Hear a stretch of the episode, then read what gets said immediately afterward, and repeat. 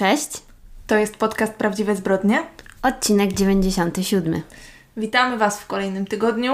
Jak Ci minął ten tydzień, Karolina? No, ten tydzień był dość intensywny, jeżeli chodzi o wychodzenie z domu, co mi się ostatnio rzadko zdarzało.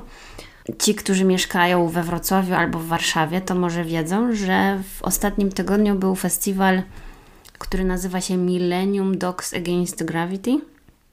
I tak się złożyło, że postanowiłam na parę filmów pójść, ponieważ no, wiele festiwali zostało odwołanych w tym roku.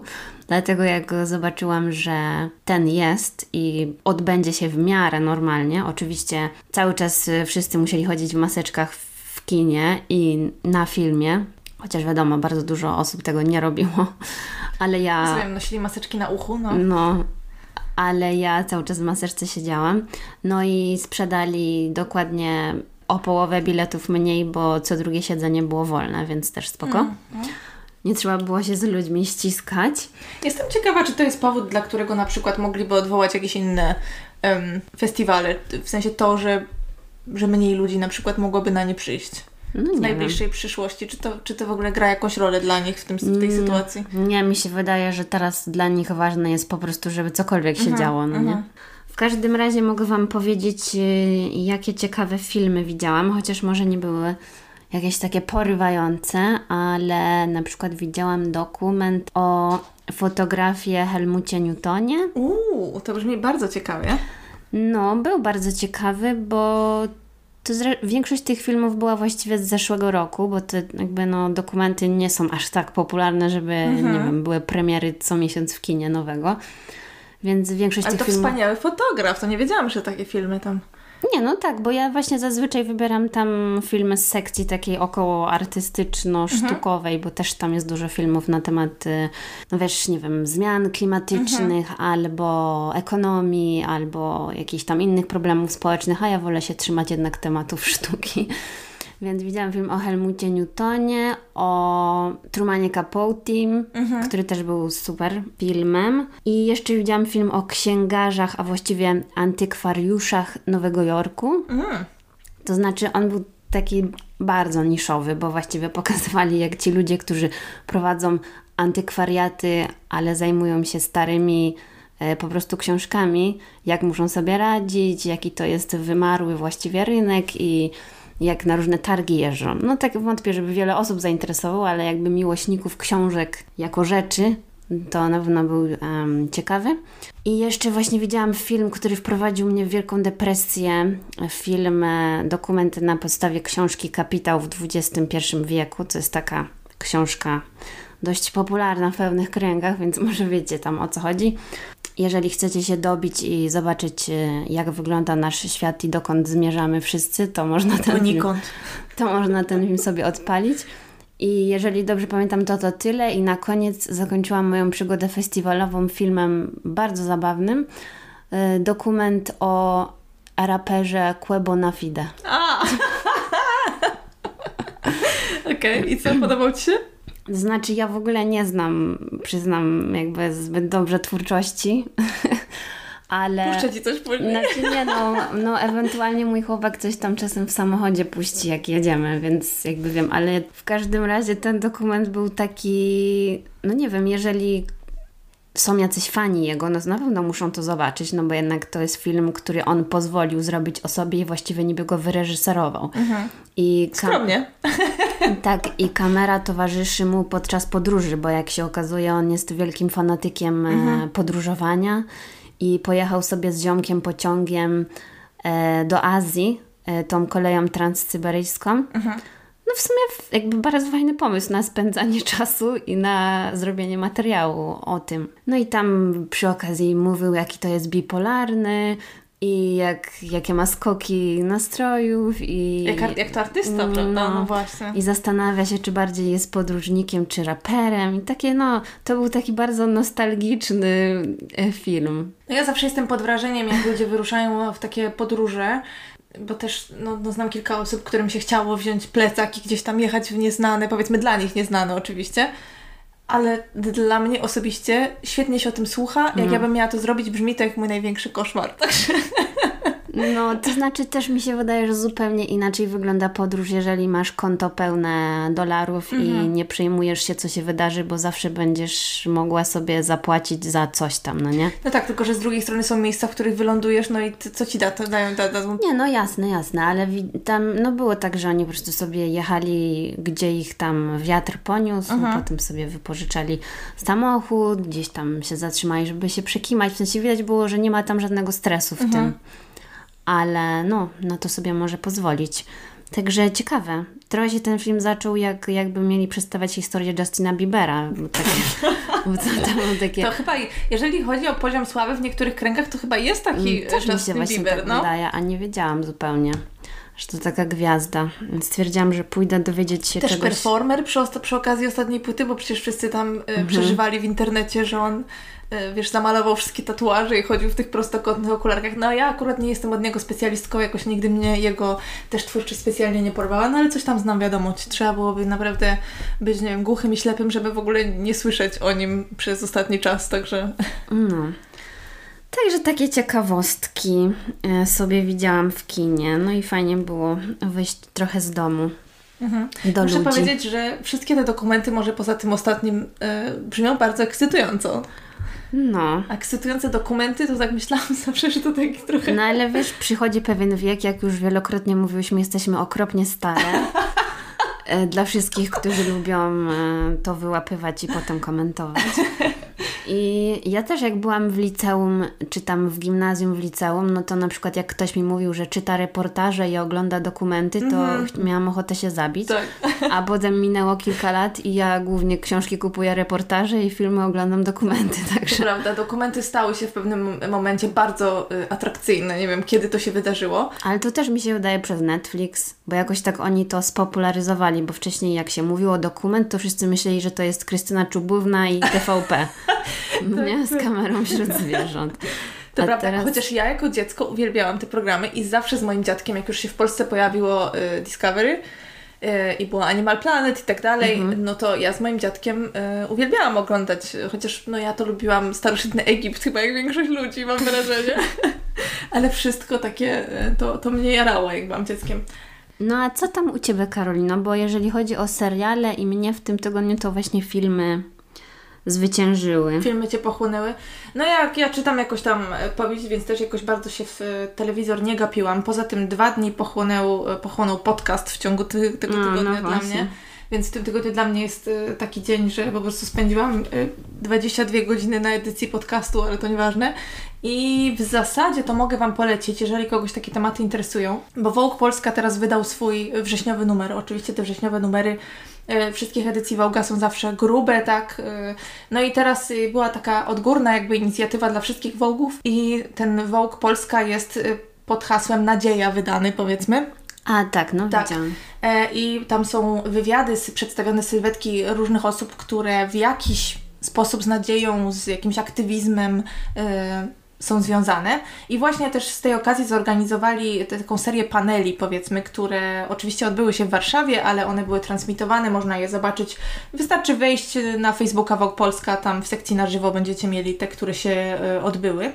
I ja obejrzałam dwa z nich do tej pory. Jeden był o zrównoważonym rozwoju, o modzie, powiedzmy też w, y, o nadziei w tym kontekście mody. Bardzo mi się ta rozmowa podobała. Tam jest taka dziewczyna, która już mówiłam Karolinie wcześniej, stała się moją nową idolką. Nazywa się Vera Banaś, bardzo mąd- mądra. Oczywiście od razu zaobserwowałam ją na Facebooku, widzę, że nie na Facebooku, przepraszam, na Instagramie widzę, że robi też ładne i mądre rzeczy. I to jest młoda typka, więc no tak trochę poczułam się niedowartościowana, jak słyszałam o tym, co ona robi w życiu, ale super, naprawdę. Bardzo mi się podobała. A drugi panel był o dziennikarstwie, o przyszłości dziennikarstwa i tak ogólnie mediów i tam byli bracia Sekielscy i ja zawsze zapominam, jak się ta pani nazywa, Katarzyna Kolenda Zalewska? Zaleska, przepraszam, ona jest Zaleska. O. E, Także też taka dosyć ciekawa rozmowa. Jest chyba tam tego więcej, na pewno jest jeszcze jedno, którego nie widziałam, ale jeżeli ktoś miałby ochotę, to są około godzinne rozmowy, z tego co pamiętam, to zapraszam do posłuchania. No to fajnie, fajnie. To na pewno sobie też odpalę i być może zrobię to w drodze. O, właśnie! Tutaj płynne przejście do mojego nowego tematu. Właściwie za kilka dni już będę w drodze na moje wakacje, postanowiłam, bo też oczywiście dziękuję wszystkim, którzy mi polecili coś tam na Instagramie. Widziałam, jaki odzew był. Strasznie właśnie ostatnio mam bardzo duży odzew na Instagramie, także pozdrawiam wszystkich. Jest mi bardzo miło. A w ogóle przez to mi się śniło, że zaczęłam wrzucać zdjęcia na Instagramach. No to może właśnie wszyscy no. może powinniście zachęcić Karolinę, do, żeby była bardziej aktywna. Dobrze, to może tak, jaki content byście chcieli ode mnie? No co, przede wszystkim selfie. Mogę Wam po pokazywać y, kolejne jeansy, jakie kupiłam na Allegro, jak chcecie. No, no to już. I co drugie zdjęcie to by była Lucyna. Oczywiście, że tak, tak. Lucyna jest moim głównym... W zasadzie jak tak skroluję przez moją rolkę, to są albo screeny ze Snapchatów, yy, albo w sensie takich y, od koleżanek, tak? Albo Lucynka. No. No mój, mój cały telefon jest y, właściwie w zdjęciach psa i ostatnio nawet mi wyskoczyło powiadomienie, że nie może mi zrobić aktualizacji systemu, bo mam za mało miejsca na telefonie, po czym patrzę, a ja tam mam połowę miejsca, jakieś tam ileś tam gigabajtów, po prostu same zdjęcia, mm -hmm, także. Mm -hmm, tak. No ale nieważne postanowiłam, że pojedziemy, znaczy to nie ja postanowiłam, wspólnie postanowiliśmy i ja zarządziłam i koniec, że jedziemy samochodem na wycieczkę do Chorwacji. Znaczy, mam nadzieję, że mogę to powiedzieć, a nie, że jakiś seryjny morderca pojedzie za nami. Myślę, że Chorwacja jest też dosyć sporym krajem, więc okay. nie masz się chyba o co martwić. Znaczy mm. sporym, no nie jest jakimś ogromnym krajem, ale jest ale tam trochę miejsc. trochę możliwości, tak. więc może nie powiem dokładnie, gdzie będziemy spać, jaki adres, ale no, bo wiadomo, właściwie teraz y, bardzo dużo było możliwości, jeżeli chodzi o wybór. Y, równie dobrze można by było polecieć samolotem z biurem podróży mhm. na w czasy typu all inclusive, ale no nie wiem. Jakoś tak nic tak nas nie przekonało, plus ten wspaniały wirus, który nie wiadomo co zrobi jeszcze i czy jakie granice nie zostaną zamknięte po drodze. Także w razie czego samochodem będziemy mieć możliwość e, ucieczki. Mhm, mhm. I tyle. To też daje jakiś taki rodzaj komfortu, nie? Ta, no. ta świadomość, że jesteś w pewnym sensie niezależna w jakimś tam dużym stopniu. To prawda, to prawda. No, ja tylko jeszcze chciałam pozdrowić dzisiaj kogoś, dlatego że w tym tygodniu był bardzo wesoły i smutny dzień, y, bo jedna z moich wspaniałych koleżanek Dorota, pozdrawiam. Y, Karolina też Dorotę zna, możesz pozdrowić. Pozdrawiam, ale nie wiem, tak smutnie to zapowiedziałaś. Nie, no nie, no bo, bo było mi tego dnia smutno, ale to był szczęśliwy dzień, bo Dorota miała w tym tygodniu urodziny i jakoś tak się zdarzyło, że przez tą okropną sytuację zazwyczaj w, w normalnych sytuacjach y, jesteśmy w stanie się spotkać bliżej, dalej urodzin i jakoś tam, wiesz że tak powiem, świętować. Jeszcze też ostatnio byłam na tym wyjeździe z koleżankami, które też pozdrawiałam i, i właśnie y, ta koleżanka Dorota też miała na nim być, ale z, przez sytuację nie mogła. Zresztą nie tylko ona, no ale dobra. Ją wyróżniam, bo były jej urodziny. Y, I y, no i właśnie przez to mi było troszkę, troszkę tak przykro, że tak powiem, Aha, bo okay. jednak od dawna takie, takie rzeczy jakoś celebrujemy. Więc chciałam ją pozdrowić. Mam nadzieję, że ma miły urodzinowy weekend. Już oczywiście rozmawiałyśmy 30 razy, ale yy, no, także, także tak. Okej, okay, rozumiem. No. tak, a jeszcze wiesz... Yy, wysyłają mi potem jakieś nagrania, jak śpiewają, bo ja bardzo lubię, jak y, się napije śpiewać Kaję i Bregowicza. Może są tutaj jacyś fani Kai i Bregowicza. To Ojej. są y, hity z mojej młodości, powiedzmy które uwielbiam śpiewać i właśnie dostawałam takie nagrania, to już w ogóle miałam doła, także... no. Rozumiem. No to życz, życzcie wszystkiego najlepszego Dorocie, mhm. nasi słuchacze również. Tak. To wiesz, co musisz zrobić na, na Instagramie? Musisz dla naszych słuchaczy i dla mnie, bo ja nigdy w Chorwacji nie byłam, zrobić taki przewodnik. Nagrywać. O matka. Koniecznie. No, dajcie znać Karolinie, czy chcielibyście czegoś takiego posłuchać. E, Chorwacja oczami Karoliny z prawdziwych zbrodni. To znaczy na pewno na swoim Instagramie tak, tak, tak, zrobię. oczywiście, Aha, o to mi chodzi. Myślałam, że chodzi o prawdziwe zbrodnie. Nie, tam nie no, już bez przesady, ale na swoim Instagramie koniecznie. Nie no, pewnie. Ja jestem uzależniona od telefonu, także jeżeli mój chłopak mi nie zabierze telefonu i nie schowa go gdzieś przede mną, to będę to robić. Co prawda, właśnie mam taki zamiar, żeby Mm, sobie dużo książek w tym czasie przeczytać, ale wiadomo, jak to wychodzi potem, mm -hmm, że mm -hmm. a, coś tam musiałam drzemkę sobie wziąć, albo musiałam pójść. Ja się zastanawiam, co ja zrobię bez Ciebie przez te półtora tygodnia. Bardzo dziwna sprawa, no ale dobra. Jakoś sobie poradzę. Będziesz miała telefon, więc... No. Także napiszę. Będzie dobrze. Tak. No dobrze, to dzisiaj Karolina pierwsza. Jestem ciekawa, co dla nas przygotowałaś. Ma być to jakaś, jakiś y, hit i długa historia, więc... Banger tak zwany. Moją historię zaczynam w stanie New Hampshire w Stanach Zjednoczonych, dokładniej w miasteczku Derry. I to wydarzyło się 1 maja 90 roku. I Pamela Smart to jest nasza bohaterka. Rozumiem, że to nazwisko na razie nic ci nie mówi. Okej, to dobrze. A wiesz, ja do nazwisk to bardzo mam pamięć, no. Okej, więc Pamela wraca z pracy do domu. Ona pracowała w szkole, mieli jakieś tam spotkanie, które się przeciągnęło i wróciła dopiero o godzinie 22. Wchodzi do tego domu, zobaczyła, że drzwi są uchylone. Oczywiście już się zdziwiła, co to mogło się wydarzyć. Poza tym w domu było ciemno, co też było dość dziwne.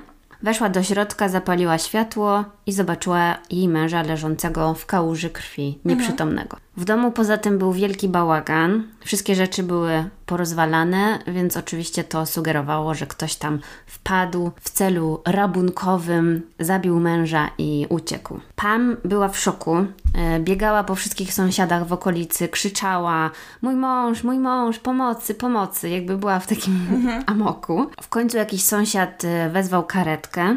No ale niestety już nic nie dało się zrobić, ponieważ jej mąż Greg Smart nie żył. Pamela, jej panieńskie nazwisko to Wojas, także być może polskie, poznała Grega Może Smarta. produkuje buty. Może. Poznali się z Gregiem w 86 roku na jakiejś tam imprezie i od razu zaczęli się spotykać, a po dwóch latach wzięli ślub. Więc w tym roku 90 zbliżała się druga rocznica ich ślubu.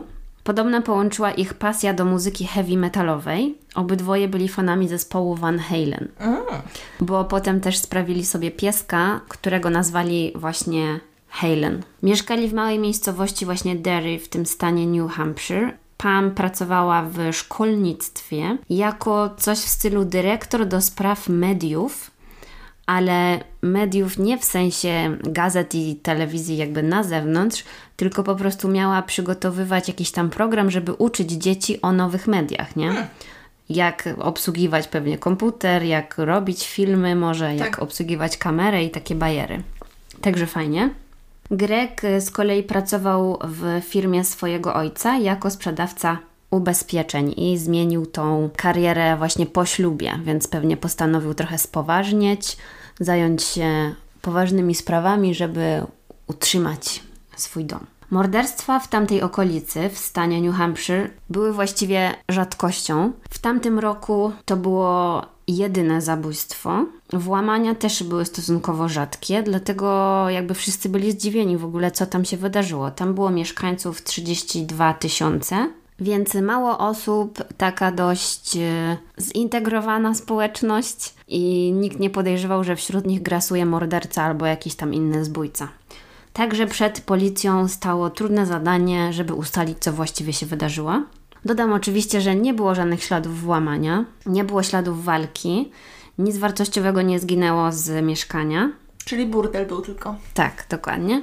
No i oczywiście w sprawach takich dotyczących morderstwa w domu, właściwie w pierwszej kolejności, jak już wiemy z po innych naszych podcastów, trzeba sprawdzić y, członków rodziny. Więc oczywiście policja musiała ustalić, co Pam robiła w tym czasie, tylko że ona miała niepodważalne alibi, ponieważ była w szkole na tym spotkaniu z innymi osobami, więc fizycznie nie mogła być w domu w tym czasie. Poza tym Pam i Greg byli szczęśliwym małżeństwem. Byli bardzo młodzi, bo Greg miał 24 lata, a Pam 22. Tak jak mówiłam, mieli też małego pieska Shih Tzu, planowali wspólną przyszłość, dzieci i tak dalej. Y, Poza tym też tworzyli bardzo ładną parę na, na zdjęciu, bo, bo on był przystojny, ona była uważana za bardzo atrakcyjną kobietę.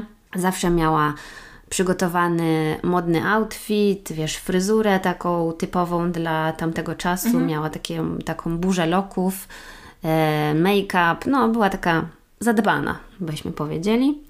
Być może dlatego właśnie, przez ten ich wygląd, albo no nie wiem, że byli ciekawym materiałem, no to media zainteresowały się tą sprawą, bo każdy chciał wiedzieć, co tak naprawdę się wydarzyło. No media kochają y, sprawy z, y, in, z atrakcyjnymi ludźmi w roli głównej, prawda? Cokolwiek Tak, by to nie było jeszcze z jakąś tragedią w tle. Mm. Właśnie, właśnie. I jeszcze problem był taki, że Pam od początku właściwie była otwarta na wszelkie propozycje od dziennikarzy i od mediów. Ona przyjmowała każdego, kto chciał z nią porozmawiać, bo podobno ona się e, właściwie szkoliła też i pracowała w mediach, dlatego że chciała sama zostać prezenterką telewizyjną, w sensie to było jej takie największe marzenie. I myślała, że no po prostu interesowała ją telewizja i no wiesz, Czy chciała poćwiczyć przed zmianą zawodu? być może, nie wiem, ale na pewno lubiła być w świetle reflektorów i nawet w żałobie po właściwie no, straconym mężu, e, zawsze do każdego wywiadu była świetnie przygotowana, pomalowana, zrobiona fryzura, wybrany outfit i tak dalej. No nie wyglądała na kobietę w żałobie, na pewno. Ale niektórym też to pomaga, prawda? Że tak skupiają I- się na takich... No jasne, ja mówię tylko, co mówili ludzie z boku. No i szczególnie jeden wywiad zapadł wszystkim w pamięci, bo zresztą oczywiście są materiały z tego, jak siedzi sobie na kanapie w swoim domu. Obok niej siedzi ten piesek Shih Tzu, głaska go, tam bawi się z tym pieskiem i dziennikarz siedzi obok i właśnie rozmawiają o tym, jak jakby no jej mąż został zabity i w ogóle o co chodzi, nie? Jakby to jest taki bardzo dziwny obrazek jeszcze z tym pieskiem, jak ona go tak głaszcze. I podobno podczas tego wywiadu ona zaproponowała dziennikarzowi, żeby zrobił ujęcie. Ona sama mu coś takiego powiedziała. Wiesz co, bo ja mam zamrożony kawałek tortu naszego weselnego. Bo tak jak mówiłam, zbliżała się ich druga rocznica ślubu i widocznie, nie wiem, mieli jakiś taki zwyczaj, że zamrozili sobie tort ze ślubu, bo był, nie wiem, taki duży. I ona mówi do niego, wiesz co, to by było takie fajne ujęcie, jakbyś zrobił kamerą na ten tort i że ja tak się na to patrzę.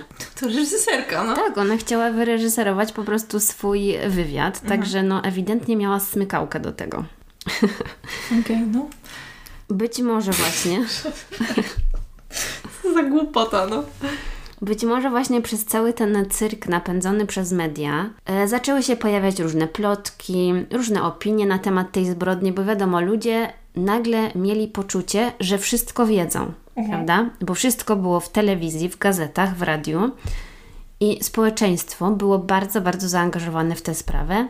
Wydawało im się, że mają wszystkie informacje z pierwszej ręki, więc zaczęli tworzyć swoje teorie i plotki, które oczywiście dotarły do policji. No chyba nie muszę mówić, że po prostu wszyscy myśleli, że Pam nie wygląda na kobietę w żałobie i wygląda jakby była winna.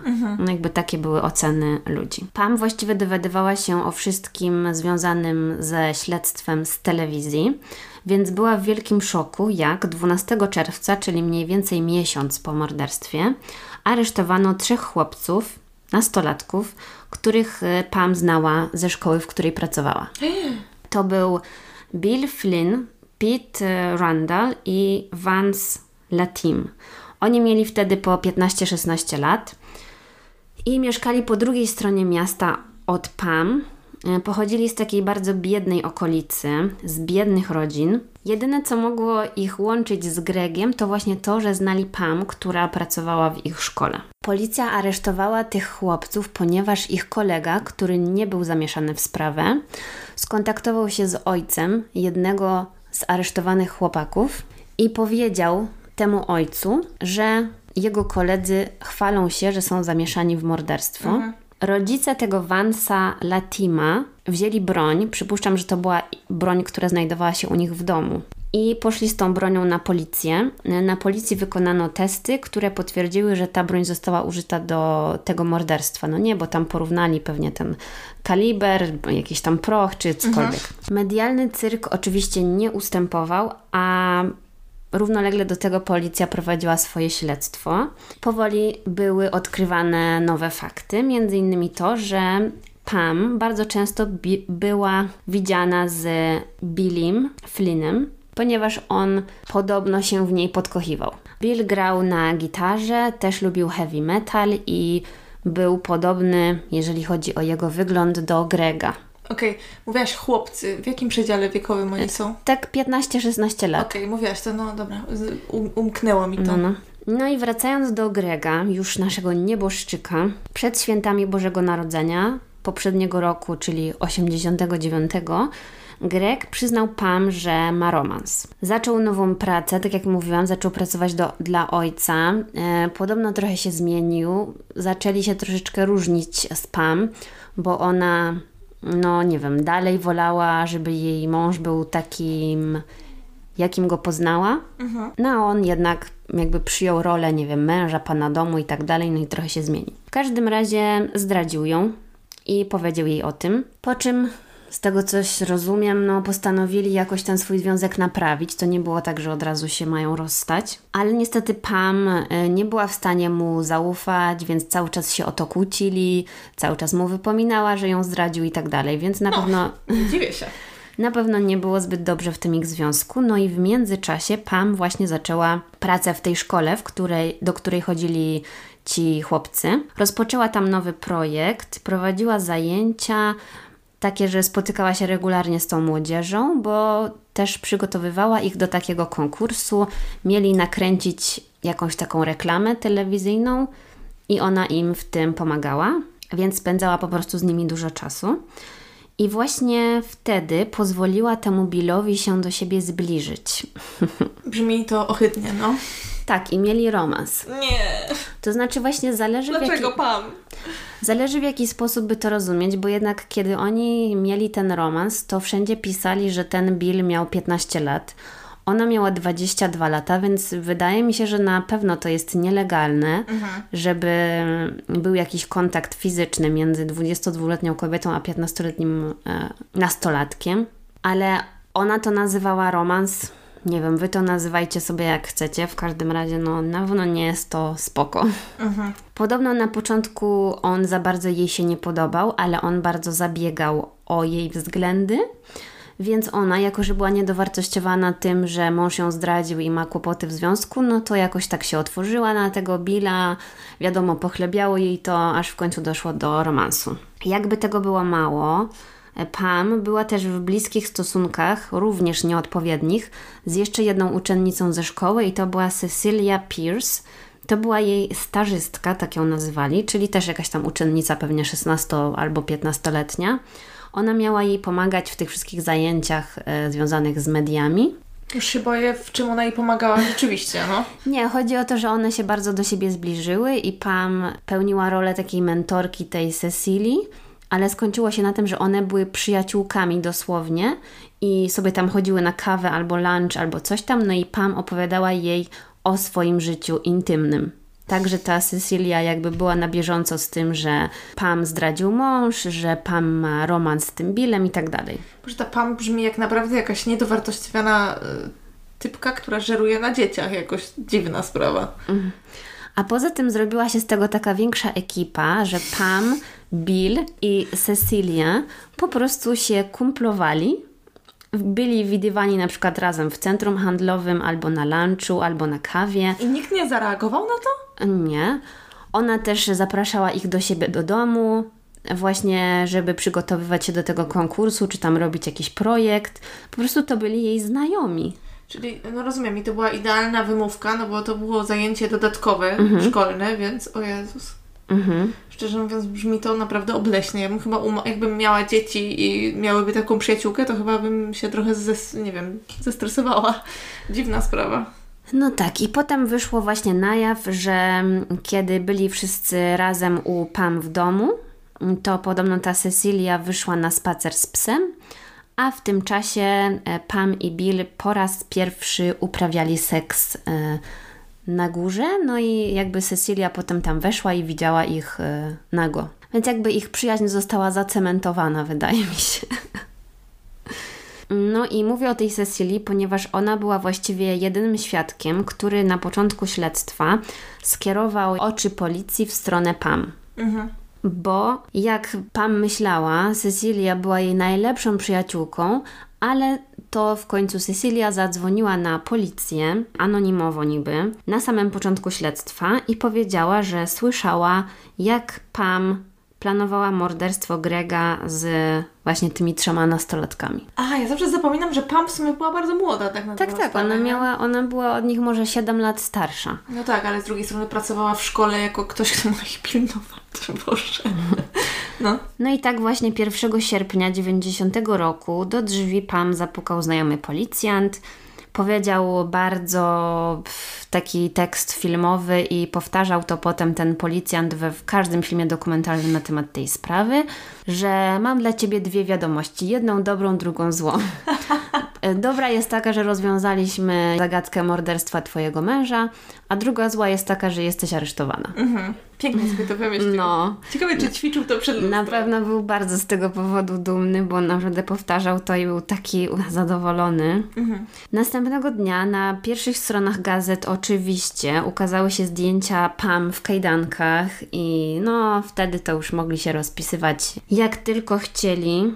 Mówili, że wyglądała oczywiście bardzo ładnie, że była tak fajnie ubrana, a przy okazji, że miała te kaj- kajdanki i coś tam. A przy okazji jest morderczynią. No. Tak. Chciałam też zwrócić uwagę na to, że media cały czas publikowały swoją wersję wydarzeń, a też należy zauważyć, że to nie jest do końca legalne, przynajmniej nie dla nas. No bo ktoś jest winny dopiero wtedy, kiedy mu to udowodnią, prawda? Do, do tego czasu jest niewinny. A tam gazety i telewizja, ci wszyscy dziennikarze nadawali 24 godziny na dobę. I to już była jakby taka spirala, że ciężko było ją w ogóle e, przerwać. Jak dowiedzieli się, że Pam została aresztowana, no to już zdobyli wszystkie brudy na nią, wszystkie jakieś kompromitujące zdjęcia.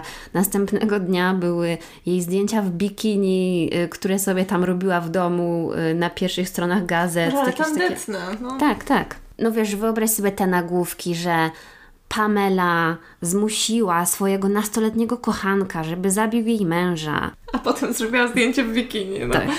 Pisali, że obiecała wszystkim po tysiąc dolarów za to. Tysiąc dolarów za zabicie? Okej. no A to właściwie było. gdzie indziej pisali, że 500 dolarów, więc nie wiem jaka była ta kwota, ale na pewno nieduża. Mhm. Była okrzyknięta pierwszą czarną wdową, bo no wiadomo, jak jakaś tam żona zabija męża, to potem wszędzie mówią czarna wdowa, czarna wdowa. Nazywali ją też królową lodu, bo na jej twarzy nie było widać żadnych emocji. No i przez te wszystkie słowa klucze, że seks, nauczycielka, uczeń, morderstwo i tak dalej, mogli naprawdę rozkręcić taki niezły spektakl medialny, a sprawą przez to zainteresowały się media z całego świata, nie tylko Ameryki. Także w tej małej miejscowości naprawdę zrobiło się bardzo tłoczno, bo ci wszyscy dziennikarze nie byli w stanie się pomieścić z tymi ekipami telewizyjnymi. I jeden dziennikarz, Bill Spencer, właściwie wypłynął na tej sprawie, bo relacjonował ją od samego początku mm, dla jakiejś tam stacji telewizyjnej i skumaj, że zanim rozpoczął się proces w sądzie i zanim wybrano ławę przysięgłych, bo też jest jakby selekcja oczywiście osób, to stacja telewizyjna wypuściła film, który nazywał się Anatomy of a Murder i ten film relacjonował całą sprawę Pam i morderstwa Grega. Zanim rozpoczął się proces? Tak, tak. Boże, co za absurd. To był film, który został jakby złożony z różnych relacji właśnie dziennikarskich, oparty na tym, co gadał ten dziennikarz Bill Spencer. I ten film, film był przeplatany odgrywanymi scenkami przez aktorów. Mm, moja ulubiona rzecz, no. Mm, Tak, czyli właściwie ktoś musiał sobie wymyślić scenariusz i wymyślić, jaka była kolejność zdarzeń, przed tym jeszcze jak to trafiło do sądu. Naprawdę nie wiem, nie no. wiem w jaki sposób to było legalne, ale tak zrobili. I zainteresowanie sprawą było tak ogromne, że naprawdę wszyscy ten film widzieli, zanim jeszcze doszło do procesu. No i teraz wyobraźmy sobie, jak trudno było znaleźć w ogóle ławników, którzy byliby nieświadomi tego, kim jest Pam, To musieli chyba z innych krajów ich przywieźć, bo... a proces rozgrywał się w tym stanie. Tak. Więc y, powinno być tak, że w związku z wysokim zainteresowaniem powinni przenieść y, proces gdzieś indziej. Ale jest właśnie taka teoria, że sędzia, który przewodniczył w tym procesie, on stwierdził, że też to będzie 5 minut dla jego sławy właściwie i to była jedyna tak duża sprawa, w jakiej on brał udział, więc prawdopodobnie też dla własnych korzyści stwierdził, że nie, że nie będziemy Nie chciał tego przenosić. stracić. No. Ja pitole, to jest... No. Musieli wykluczyć dosłownie tysiące osób, których poprosili o to, żeby byli tymi e, ławnikami, bo właściwie każda osoba, która przychodziła, no ciężko było skłamać, że nie wiedzą, kim jest Pamela mhm. Smart. Mhm. Więc być może te osoby, które zostały, no faktycznie albo żyły pod jakimś tam kamieniem, albo po prostu kłamali, no nie? Oficjalnie mówi się, że to był pierwszy proces w Ameryce w pełni, od początku do końca, relacjonowany na żywo w telewizji. Ale za to, co telewizja odwaliła i dziennikarze, to powinni po prostu zabronić im w ogóle obecności na tej, na tej sali sądowej. Nie, ale właśnie to było bez tego, co wszyscy mówili, to było pierwszy raz coś takiego się wydarzyło, więc dla wszystkich to była nowość, taki fenomen i oni chyba wszyscy chcieli z tego skorzystać. Nikt nie chciał tego zastopować, bo było właściwie zbyt duże zainteresowanie i ludzie by się zbuntowali być może, nie? Mhm. Być może dla nas to wszystko nie wydaje się aż tak dziwne, biorąc pod uwagę, jak teraz działają nasze media, a przynajmniej media w Stanach, bo jednak u nas jest dość duża tajemnica, jeżeli chodzi o te wszystkie sprawy sądowe. Mhm. No i wydaje mi się, że tak powinno być ale pamiętajmy, że to był rok 90. I też ja sobie tak pomyślałam, że w sumie ludzie w tamtym czasie nie mieli aż tak dużego wyboru, jakie informacje otrzymują mhm. i jakie przyjmują, bo mieli ograniczoną ilość jakichś tam kanałów telewizyjnych, gazety. Bo jakby pomyślmy sobie teraz, że my mamy tak ogromny wybór, gdzie pójść, żeby dostać jakieś informacje, nie? Że jeżeli chcesz, to faktycznie możesz ignorować to, co się dzieje na świecie bo możesz sobie odpalić tam Instagram albo na YouTubie kogoś tam jakby swój mhm. czas zajm- zająć sobie inaczej. A w tamtym czasie ludzie za bardzo nie mieli wyboru, bo z tego co rozumiem, na każdym kanale gadali o tym, w każdej gazecie gadali o tym i wszyscy ludzie między sobą gadali Czyli o była tym. żyła złota w zasadzie. Tak, więc dlatego wydaje mi się, że to, to ma tak ogromne znaczenie, jak w tamtym czasie funkcjonowały media i że ludzie nie mieli za bardzo wyboru, więc każdy był zaangażowany w sprawę, chcąc nie chcąc, bo też wcześniej nie obudziła się w nich taka potrzeba, żeby podglądać ludzi, bo jeszcze wtedy reality TV nie, nie istniała. Mhm. I właśnie wszyscy w, w, w, temacie tej sprawy, wszyscy eksperci mówili, że to zapoczątkowało reality showy. Jakby, że może nie dokładnie to, ale że zobaczyli, jaka właśnie, jaka właśnie potęga jest w tym, żeby podglądać ludzi i żeby śledzić na co dzień to, jak ktoś się ubiera, bo oczywiście mówiąc o tym procesie, codziennie w gazetach i w telewizji komentowali, co pan miała na sobie, w co była ubrana i tak dalej. Jestem ciekawa, czy robili też takie artykuły, wiesz, get the look, nie? Bardzo możliwe. Bardzo możliwe.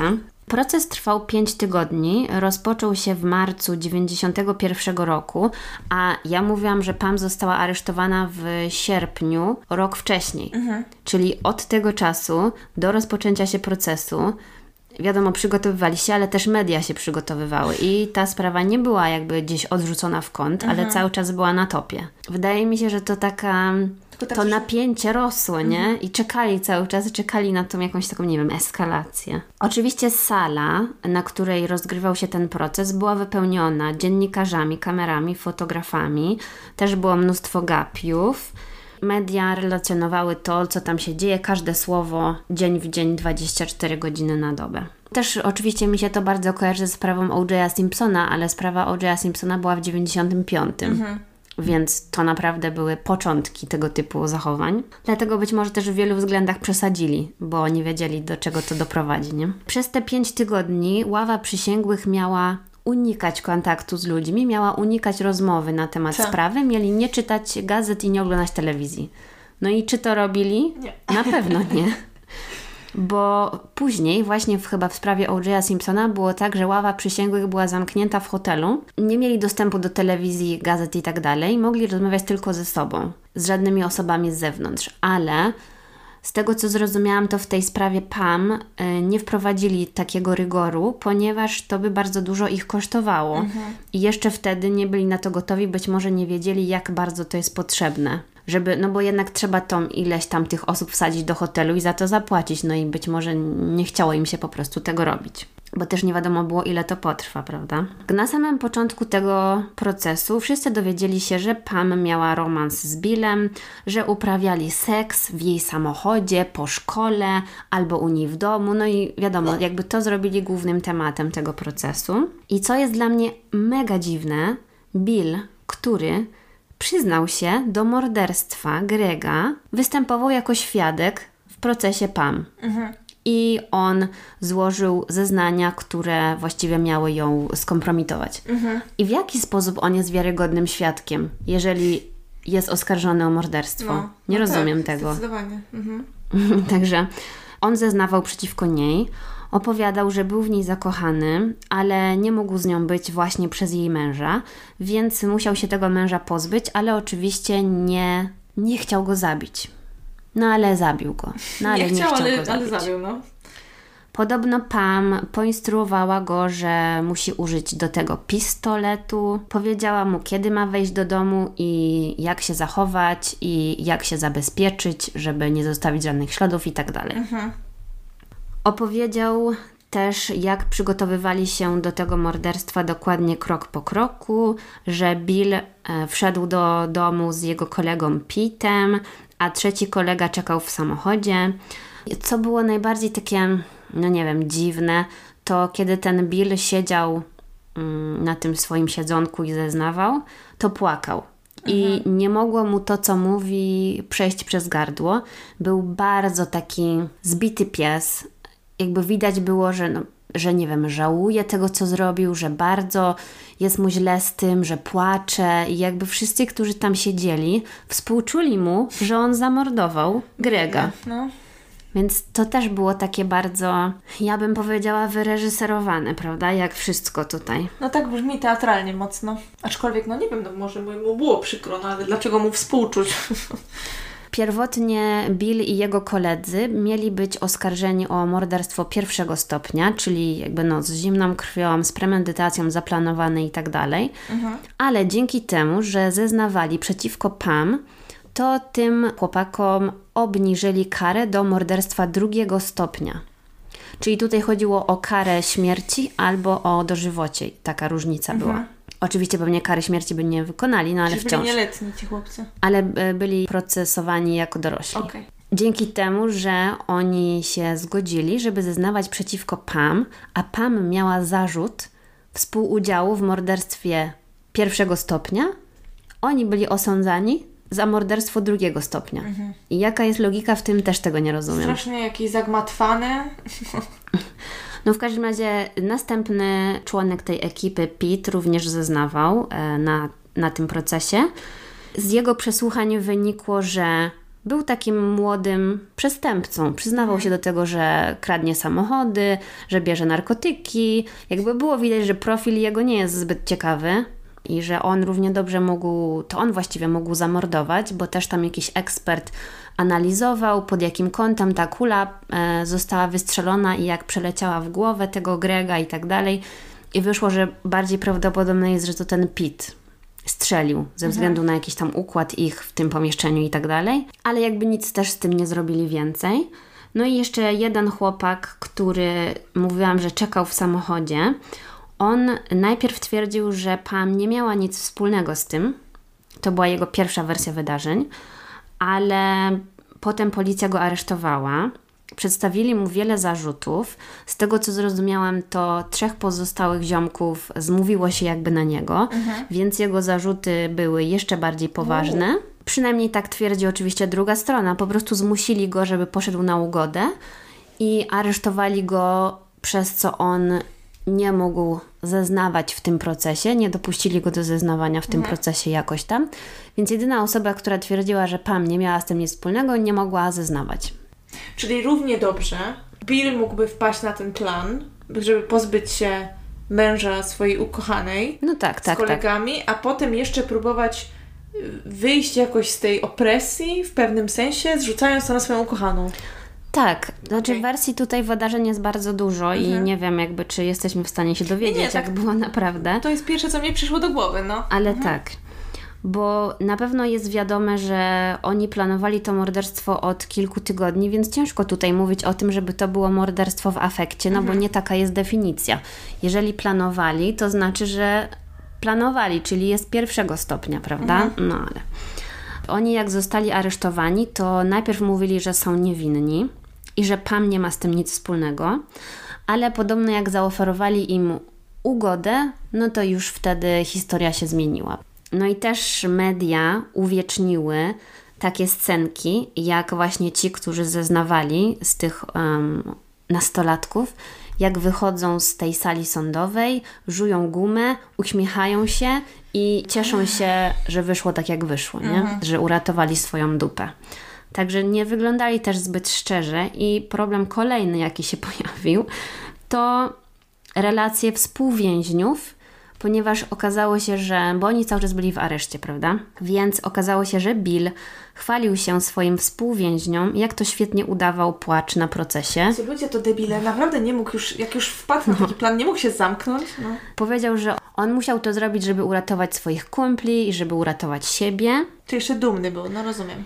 W areszcie, gdzie przebywali, mieli dostęp do wielu narkotyków i podobno przed procesem e, wziął dużo e, koksu, bo mówił, że to pomoże mu się wczuć w rolę i pomoże mu to płakać bardziej wiarygodnie, nie? Więc on był tam jeszcze zbombiony na tym procesie. Jezus I zepsute dzieciaki strasznie, no. No, no tak, tak trochę wychodzi, ale no nie wiem, nie chcę tutaj oceniać.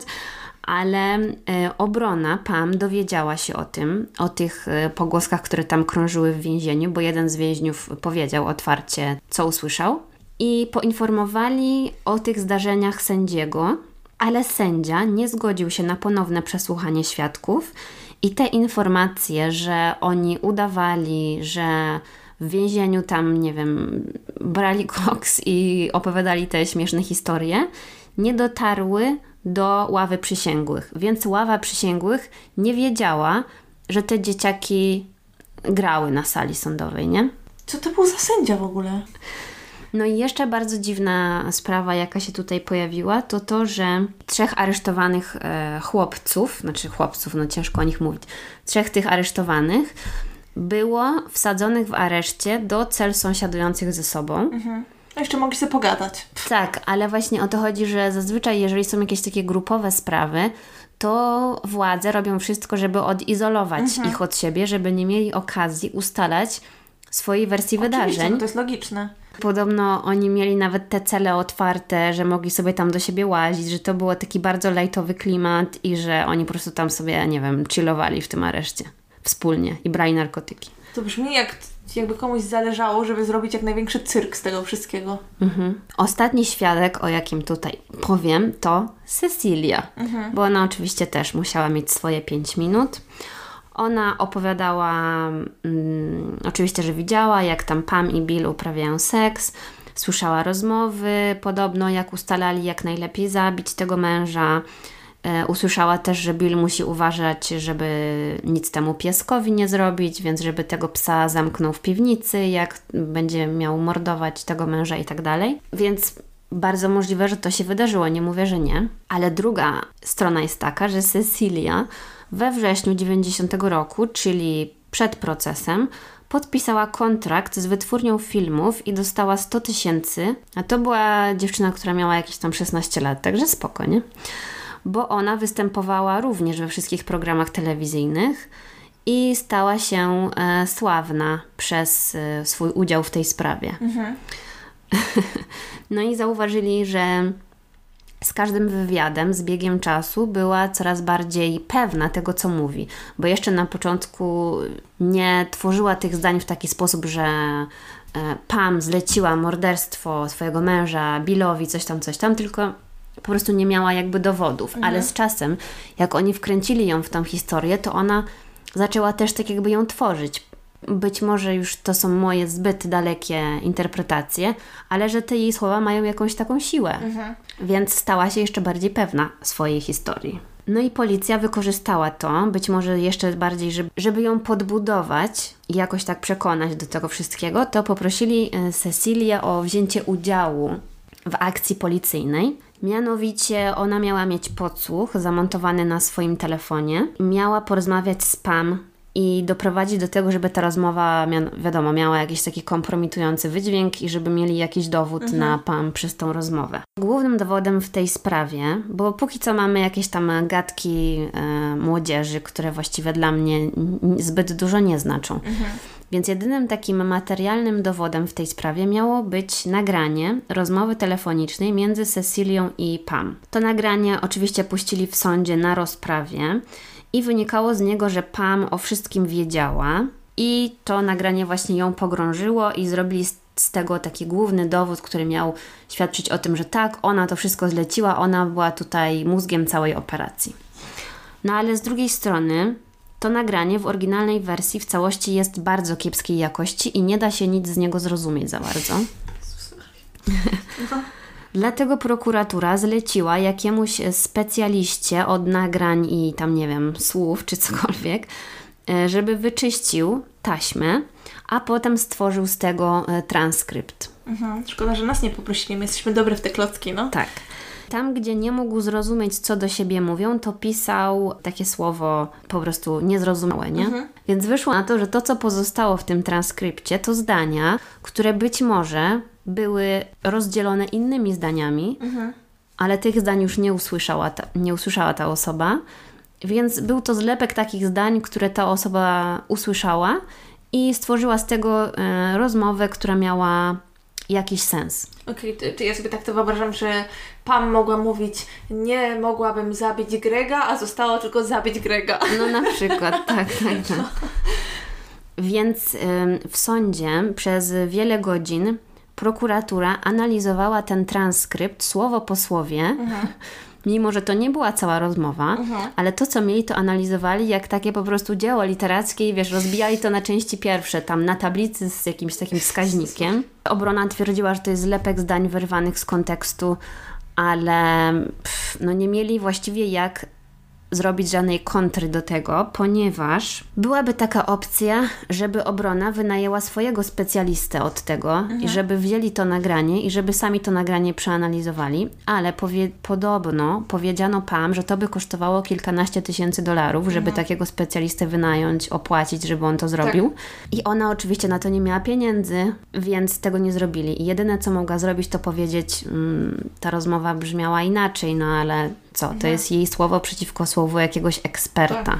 No i niestety Pam też miała, znaczy niestety, niestety to jest y, mój komentarz, ale Pam wytłumaczenie miała takie, że ona od swojego adwokata dowiedziała się o udziale Cecilii w całym tym y, śledztwie i tak dalej, więc postanowiła do niej zadzwonić, bo myślała, że może dowie się czegoś więcej na temat tej sprawy i postanowiła, że będzie udawać, że wie, co się stało, żeby ta rozmowa wyszła tak, że może Cecilia powie jej więcej. Oj, oj, oj, oj. Z drugiej strony to też jest grubymi nićmi szyte i mhm. nie wiadomo, jaki tu był zamysł. No ale obrona Pam była taka, że ona udawała w tej rozmowie po to, żeby dowiedzieć się więcej. Okej. Okay. No tak trochę głupio to brzmi, no ale No, okay. no głupio. Wszyscy po usłyszeniu tych fragmentów, które usłyszeli, po zobaczeniu tego transkryptu, wszyscy zgodnie stwierdzili, że Pam w takim razie jest winna mhm. przez to, co mówiła. I jeszcze tutaj mogę dodać coś na temat jej kamiennej twarzy, bo podobno podczas procesu Pam cierpiała na depresję i psychiatra przepisał jej bardzo dużą dawkę prozaku. No i wiadomo, że to może skutkować różnymi tam no nie wiem, dziwnymi zachowaniami czy wyłączeniem się.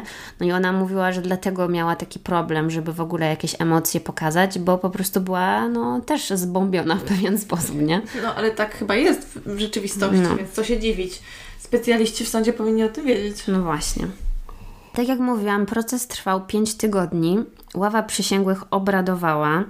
Nie byli jednogłośni, ale ostatecznie uznali, że Pam jest winna. Tylko tak, oni uznali że ona jest winna współudziału w morderstwie pierwszego stopnia, spisku w celu popełnienia morderstwa oraz manipulacji świadka, czyli tej Cecilii. Mhm.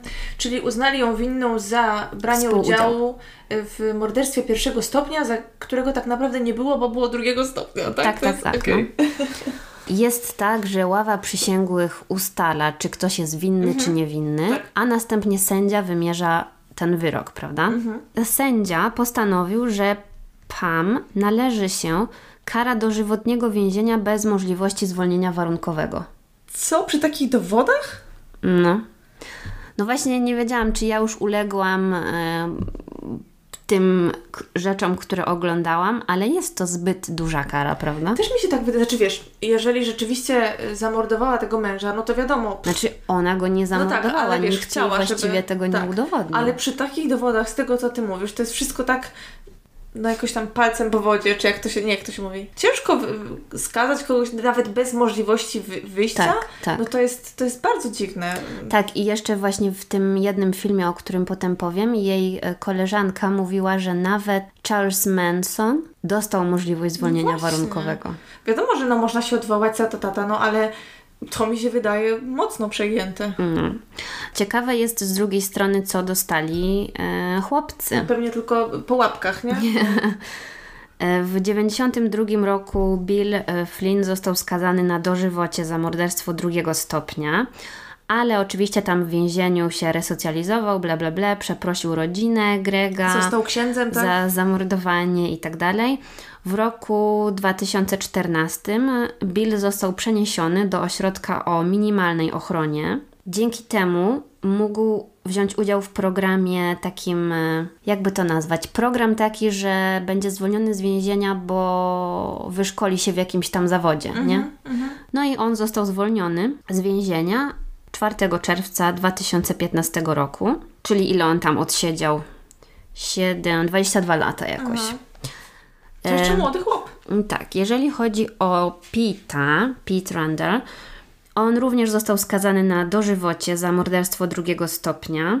W roku 2009 sędzia zredukował mu wyrok, e, zmniejszając to jakoś tam do 25 lat. No i dzięki temu on mógł być zwolniony warunkowo już w czerwcu 2015 roku, tak samo jak ten poprzedni. No i tak też się właśnie wydarzyło. Kolejny ten, który był w samochodzie, Latim, on został też skazany na dożywocie jako wspólnik tego morderstwa, ale w 2005 roku jego kara została zmniejszona o 3 lata.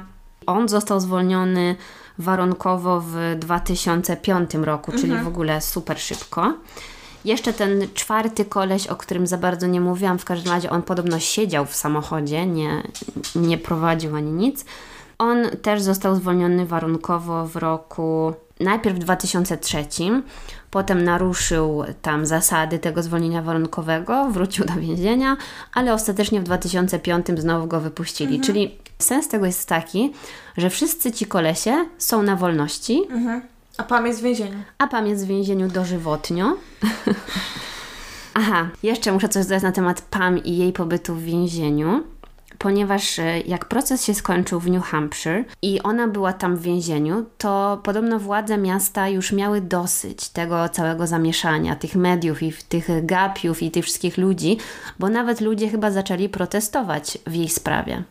Więc postanowili potajemnie w nocy przenieść ją do więzienia w stanie Nowy Jork. Podobno czegoś takiego zazwyczaj nie robili i to w ogóle nie było takie oficjalne, bo powinni poinformować ją, jej rodzinę i tak dalej. Nikt nic nie wiedział. To było takie pod osłoną nocy. I w tamtym więzieniu już wszystkie kobiety były nakręcone na nią. No bo to była taka gwiazdka telewizyjna, więc wiadomo, że musiała być dość mocno szykanowana przez inne współwięźniarki. I została przeniesiona do więzienia o zaostrzonym rygorze, także tam był zdecydowanie no, inny e, klimat. Podobno kiedyś ktoś tam w więzieniu złamał jej tą kość przy oku. Ale nic nie robiła i dali ją do więzienia o zaostrzonym rygorze, bo tak? No, Bo mieli dosyć e, tych wszystkich afer dziennikarzy, które się działy w to mieście. strasznie okrutne. No tak też mi się wydaje. Więc miała połamaną kość przy oku, miała złamaną kość policzka, ma tam jakoś tam, nie wiem, plastik czy coś wstawiony w twarz, bo musieli jej robić rekonstrukcję. W tym więzieniu są naprawdę hardkorowi przestępcy. Tak, No jeżeli, jeżeli zleciła to zabójstwo, no to jest morderczynią, jak dla mnie, tak? Ale no nie... Jeżeli dobrze się tam zachowywała w tym więzieniu, no to, to z jakiej paki? Została też zgwałcona przez strażnika. E, I ten strażnik podczas tej całej akcji e, robił jej nagie zdjęcia na więziennym łóżku i następnie te zdjęcia sprzedał do tabloida razem z historią. Powiedział, że Pam rządzi w więziennym gangu związanym z seksem i narkotykami i że ma pod sobą strażników więziennych i że ma nad nimi władzę. To znaczy ona się tego wypiera, no Tak. nie? No a ten strażnik twierdzi, że tak było, ale z drugiej strony na pewno mógł kupę kasy zarobić opowiadając taką historię, nie? No. Czyli co, trzęsie całym więzieniem, ale jakoś jemu udało się zgwałcić. Tak, tak. No spoko. No ale Wyleciał chociaż z tego więzienia? nie wiem, nie sądzę. Bo pamiętasz akcję z mojej historii e, ostatnio, jak tam bohaterka, jedna z sióstr, które pomogły matce pozbyć się... Aha, tak, miała romans. Tak, bo przecież ona tam chyba regularnie w więzieniu, no i takich, takich strażników czekały kłopoty dlatego. Mm, Wiesz co, na- tutaj jest tak strasznie dużo tych rzeczy, że już nie dotarłam do tego, co się z tym kolesiem stało, ale z pozytywnych rzeczy to Pam zrobiła dwie magisterki podczas pobytu w więzieniu. To było z literatury i z prawa. I nauczycielka, która ją do tego przygotowywała, też wypowiadała się w jednym filmie i mówiła, że doświadczyła takiej strasznej wrogości od e, pracowników więzienia, że stopniowo zabierali jej wszystkie materiały do nauki i ostatecznie musiała Pam uczyć tych wszystkich rzeczy samą rozmową, bo nie mogła mieć książek, nie mogła mieć notesu, nie mogła mieć nic. Jezu, jakie straszne. No. Ale tak, jeszcze co ciekawego się działo po zakończeniu procesu w mediach. Kilka miesięcy później stacja CBS nakręciła film fabularny przedstawiający sprawę Pam i tam główną rolę gra taka znana aktorka Helen Hunt. To się nazywa Murder in New Hampshire The Pamela Voyas Smart Story. Chwilę później wyszła hit książka autorstwa Joyce Maynard i ona oczywiście jakby sfikcjonalizowała historię Pam, stworzyła nową bohaterkę, ale nikogo to nie interesowało, bo wystarczyło, że gdzieś tam powiedziała, że to było zainspirowane tym już od razu wzięli to za fakt. I na podstawie jej książki, to jest tytuł To Die For, jest e, film reżyserii Gusa Van Santa, w którym rolę niby Pam gra Nicole Kidman. Nie widziałam tego filmu. No, ja właśnie go sobie odpaliłam, jeszcze nie obejrzałam do końca, ale to jest bardziej taka, taka mroczna komedia i jakby ten problem cały jest zupełnie przekręcony, bo ona tam gra taką demoniczną kobietę, która zrobi wszystko, żeby dostać się do telewizji i dlatego morduje swojego męża. I ma romans z nastolatkiem i tego nastolatka gra ten o trudnym imieniu i nazwisku Jacqueline Quen Quen Phoenix. Okej, dobra. I on tam jest taki bardzo młody, nie? Bo to jest film z 90 któregoś tam roku. Mhm. Joaquin, tak? On jest. A, tak, Joaquin. właśnie, Joaquin, sorry. Problem w tym, że jakby lista książek, filmów, programów i tak dalej, inspirowanych sprawą Pam jest tak długa, że nie da się jej w ogóle wymienić teraz. I wszystko to ma wpływ na jej wnioski o apelację. Nie, Boże, no. Bo ona za każdym razem, znaczy, przepraszam, nie wnioski o apelację, tylko wnioski o zwolnienie warunkowe. Bo ona cały czas wnosi o to, że no wypadałoby, żeby była zwolniona chociaż tam po tych, nie wiem, 25 latach albo coś takiego, jeżeli pozostali wyszli. A teoria która została przyjęta właśnie w takim super filmie dokumentalnym HBO, który ja oglądałam. On się nazywa Złudny Urok, sprawa Pameli Smart i to jest dokument z 2014 roku. Jest dostępny tam w aplikacji HBO i ja go właśnie oglądałam. No to teoria jakby jest taka, że właściwie Pam, to jaka ona jest naprawdę, jest nieważne i niepamiętane przez nikogo, bo jakby ona stała się taką mityczną postacią, odgrywaną przez Nicole Kidman, odgrywaną przez tą Helen Hunt. Wszyscy pamiętają te bohaterki, to co było wykreowane w mediach, a nie to, co ona faktycznie zrobiła. Jest bardzo smutne. I problem jest oczywiście też taki, domyślam się, że dlatego ona siedzi dalej w więzieniu, bo ona się do tej pory nie przyznaje do winy.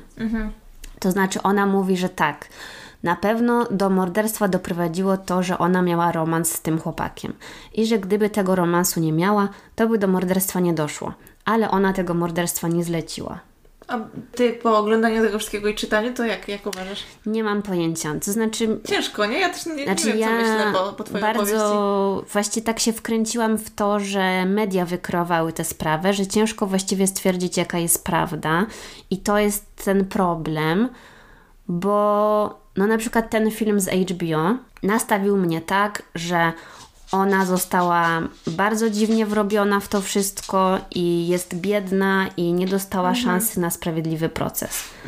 Ale z drugiej strony, jednak jakieś tam te, nie wiem, no ta rozmowa, jaka ona była, co było w tych wyciętych fragmentach, nie wiadomo. Dlaczego ta Cecilia tak zeznawała, że słyszała, że e, rozmawiali o morderstwie. W sensie to wszystko jest takie. Też nie Kto wierzę by w to, to wymyślił? Tak, że ta Cecilia od razu pomyślała, a podpisze za kilka lat umowę, Mm. prawda, z wytwórnią. To też tak trochę mało prawdopodobnie brzmi. Natomiast wydaje mi się, że to, że nie miała normalnego procesu, to jest akurat prawda, już abstrahując od tego, czy jest winna, czy nie, no bo zachowanie sędziego skandaliczne, yy, prokuratura i traktowanie przez nich dowodów w sprawie tej, tej rozmowy skandaliczne, płacze chłopców pod wpływem narkotyków, No. dramat po prostu.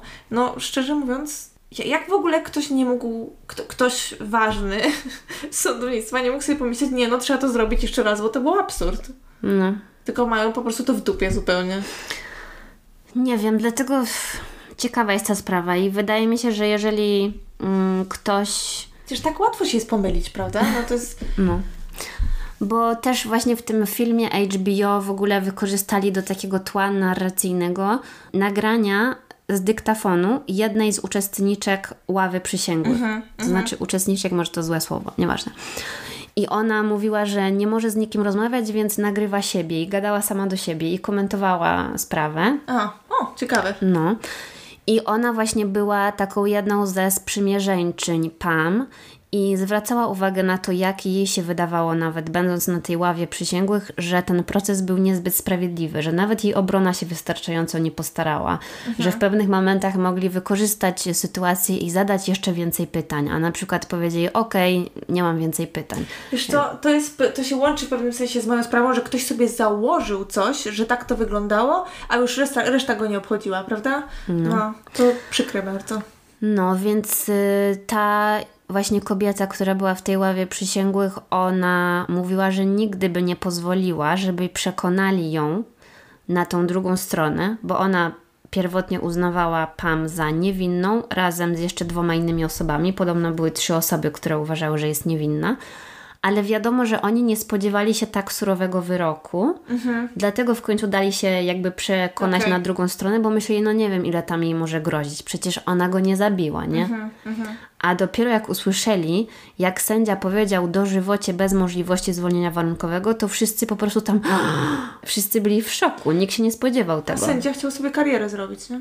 Mieć Nie to wnukom wiem. pokazywać później. Nie wiem, bo też nie wiadomo, wiesz, jak on tam sobie co, co myślał o tak Bardzo dalej. ciężka, dziwna, No. dziwna sprawa. Ale jakby materiałów jest dużo, jeżeli Was to zainteresowało i na pewno wydaje mi się taki ciekawy temat w ogóle dla medioznawców. Rozkminić, jak ogromną rolę tutaj media grały. Jest przecież taki program na Netflixie, nie? E, A propos Tak, tak, o właśnie. I, tak. Ciekawe, czy ona tam jest, raczej nie. Nie kojarzę tego stamtąd. Ja widziałam jakieś odcinki, bo to jest podzielone, nie? Z tego co pamiętam, widziałam jakieś... Osądzeni przez media. No. O, tak się to nazywało. no, także bardzo ciekawy materiał do dalszej rozkminy dla jakichś medioznawców i nie wiem, prawników również, no bo co tam się, co to tam się odwaliło, to naprawdę jest e, szok dla mnie. Mhm, mhm, to prawda. Okej, to ja już się nagadałam, teraz słuchamy historii drugiej Karoliny. Ja dziś e, zapraszam Was do Wielkiej Brytanii, a dokładniej do wschodniego Londynu. I to jest w sumie taka sprawa, że znalazłam ją, nie będę Wam mówić co googlałam, bo to by zdra- zdradziło o czym jest ta sprawa już. Byłam w sumie trochę zdziwiona, że wcześniej o niej nie słyszałam, no ale właśnie znalazłam tam ją na jakiejś liście, zobaczycie jakiej. I stwierdziłam, że jest dosyć... po prostu mnie oburzyła.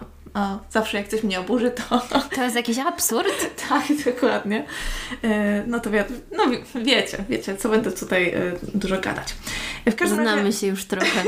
dokładnie. W każdym razie cofamy się do roku 2014 i w sierpniu 2014, to był chyba 28 sierpnia, na cmentarzu e, w, właśnie we wschodnim Londynie, pani tam chodziła taka na spacery z pieskiem i zobaczyła y, jakiegoś młodego mężczyznę siedzącego, jakby opierającego się o mur cmentarza. Okej. wewnątrz tego podwórka. Są jakieś tam wypowiedzi tej pani, ona mówiła, że ona lubi tam chodzić z tym pieskiem na spacerki, bo jest tam tak spokojnie i coś tam, nie wiem, ładnie. W każdym razie to pani była naprawdę urocza, bo jak ona się wypowiadała, to był pokazany ten piesek i pokazywali twarz tej pani, to ona miała takie kolczyki z, z podobnym pieskiem. O. to ten jej piesek. A co to była za rasa, wiesz? Y, Nie, ale wyglądał trochę jak border collie, Aha, taki okej. czarno-biały. Mm, y, Także może, może to był i border collie, albo jakaś taka mieszanka, albo nie wiem, jakaś rasa, która jest y, bardzo podobna. W każdym razie znaleziono właśnie tego mężczyznę i okazało się, że był to dwudziestokilkuletni Gabriel Cavari. On był z pochodzenia Słowakiem i miał dokładnie 22 lata. No i potem jak e, odnaleźli tego mężczyznę, to udali się do ostatniego miejsca jego zamieszkania i okazało się, że on mieszkał ze znajomym. Z tego co pamiętam, ten znajomy miał na imię John i Gabriel mieszkał u niego przez kilka tygodni. Poznali się przez internet, Gabriel szukał pokoju, pracował w Wielkiej Brytanii jako kucharz. Z tego co wiem, miał duże ambicje, był młody, tak, chciał e, w życiu wiele osiągnąć. E, No i ten e, jego kolega był w szoku, jak dowiedział się, że Gabriel nie żyje, dlatego że Aha, co? Ja nie zrozumiałam, on nie żył. tak, aha, nie powiedziałam. Ale może został to. Nie Znaczy, powiedziałam tego. Tak, przepraszam, to w ogóle nie jest śmieszne, sorry. znaczy, bo ja zrozumiałam, że ty powiedziałeś, że on siedział oparty o ścianę. Tak, oczywiście i zapomniałam podać, potem powiedziałam, że policja poszła do mieszkania, do jego mi- ostatniego miejsca zamieszkania, tak, gdzie mieszkał u kolegi, nie, nie podając niestety najważniejszej informacji, czyli to, że niestety Gabriel nie żył. Na tym cmentarzu Tak. był martwy. Dokładnie, tak, tak, tak. Został. Widzicie, jestem, jestem w świetnej formie dzisiaj. W każdym razie, tak, niestety, niestety Gabriel był martwy. Przy oględzinach stwierdzono, że zmarł z powodu przedawkowania narkotyków i to były takie narkotyki z rodzaju GBH. Yy, Z tego co rozumiem, to jest coś, co znamy pod hasłem pigułka gwałtu O, tak potocznie zwana. Natomiast no, to są jakieś tam różne mieszanki, no te, te narkotyki często łączy się z taką kategorią, która to się nazywa chemsex, chemsex chyba po, po angielsku, albo PNP, czyli Party and Play, które ludzie często biorą rekreacyjnie, czyli to są takie, żeby- takie rufi. tak, tak, tak, tak, żeby, żeby zwiększyć swoje doznania seksualne, powiedzmy. No, albo są wykorzystywane przez gwałcicieli, tak? No tak, czyli dziwne, że on miał to w swoim Tak. No i oczywiście policja tam zaczęła zbierać informacje na, tego, na temat tego Gabriela. On był gejem i ten jego kolega, którego mieszkał, zanim go znaleziono martwego, powiedział, że on wyprowadził się niedawno i powiedział, że idzie z kimś tam mieszkać, no ale że on nie wnikał, jakby nie zadawał mu za dużo pytań, po prostu przyjmował tylko te informacje, którymi Gabriel się z nim podzielił, tak? No ale wiadomo, zrobiło mu się bardzo przykro. Y, Jakby policja stwierdziła, że mimo to, że to były bardzo. No, no, no jest, to jest takie dosyć podejrzane moim zdaniem, że znajdują normalnego, młodego chłopaka na cmentarzu po przedawkowaniu, siedzącego pod ścianą, no tak trochę dziwnie. Przynajmniej tak stwierdził ten jego kolega, że to było mało do niego podobne czy coś. No ale policja uznała, że po prostu przedawkował i jakby koniec, nic więcej sobie z tego nie robili. Y, No, ale ten kolega postanowił sam jakby zainteresować się tą sprawą. BBC nakręciło taki film, to potem jeszcze do tego wrócę, taki y, dokumentalny na ten temat. No i tam ten kolega Gabriela, u którego Gabriel mieszkał, wspomina, że on po prostu zaczął w wyszukiwarce wpisywać jakieś tam dziwne czy tam niewyjaśnione śmierci w tamtej okolicy, to się nazywało barking. I, Ta e, okolica. tak, tak, tak.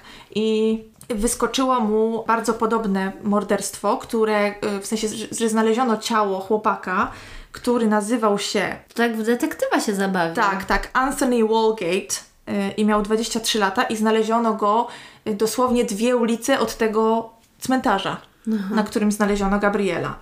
I właśnie, że tam też te okoliczności śmierci tego Anthony'ego były też bardzo dziwne, wszystko było bardzo podobne, ale dla policji to było nic. Tak, dla policji to było nic.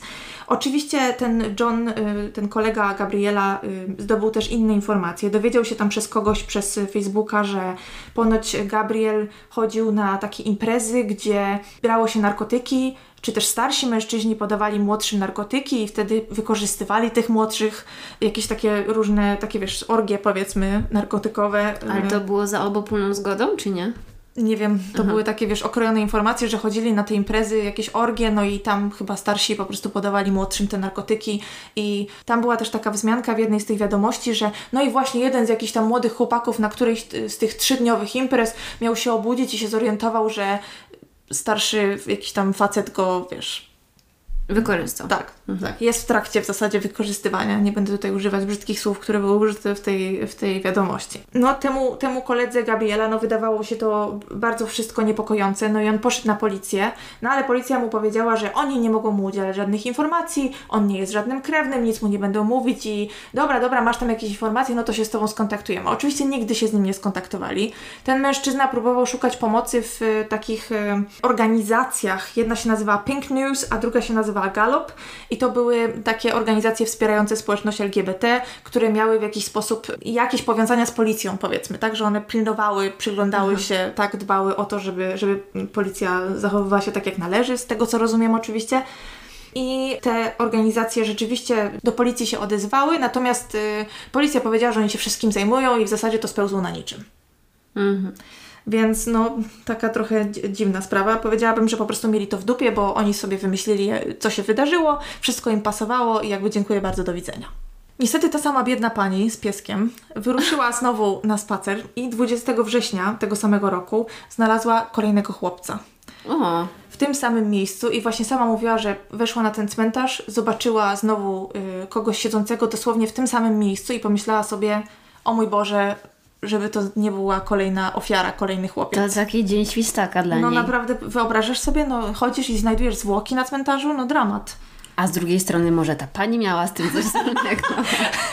Taki piesek podawał wszystkie narkotyki. A, no właśnie, nie wiadomo, nie wiadomo. I tym razem był to chłopiec, który nazywał się Daniel Whitworth. Daniel miał chyba 23 lata, z tego co pamiętam. To taki chyba bardziej mężczyzna niż chłopiec, bym powiedziała. Ale wszyscy ci chłopcy wyglądali tak bardzo młodo. Aha, Byli okej. bardzo szczupli, bardzo tacy, wiesz, delikatni z wyglądu, powiedziałabym. Więc dlatego jakby to słowo Mhm. chłopiec się ciśnie na usta i też wszędzie takich e, opisywali. Mhm. E, no bo to, nie wiesz, to nie... Może dlatego, ale no dobrze, no zn- mężczyznę, masz rację.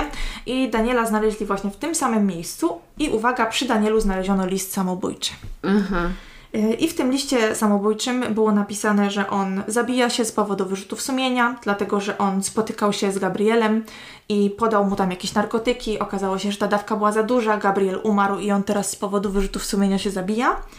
Co dziwne, używał tam takich zwrotów, które świadczyły o tym, że nie pisze tego listu do rodziny. Ten list był nie dość, że bardzo bezosobowy, to jeszcze y, macocha tego Daniela w jednym z tam z wywiadów wspominała, że on mówi: Nie powiedziałem, gdzie idę swojej rodzinie. No i ona dobrze zwróciła uwagę, to do kogo był ten list samobójczy, jak nie do rodziny? No, że niby do, policji. może.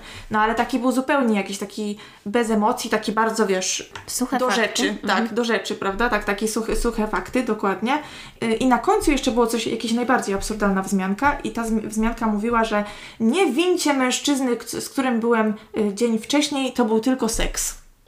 A, okej, no, No. to to już na pewno Tak. jest godne wiary. Oczywiście. No i wtedy rodzina się pyta, no to kim był ten mężczyzna? Policja mówi oczywiście, że nie wie, wiadomo, prawda?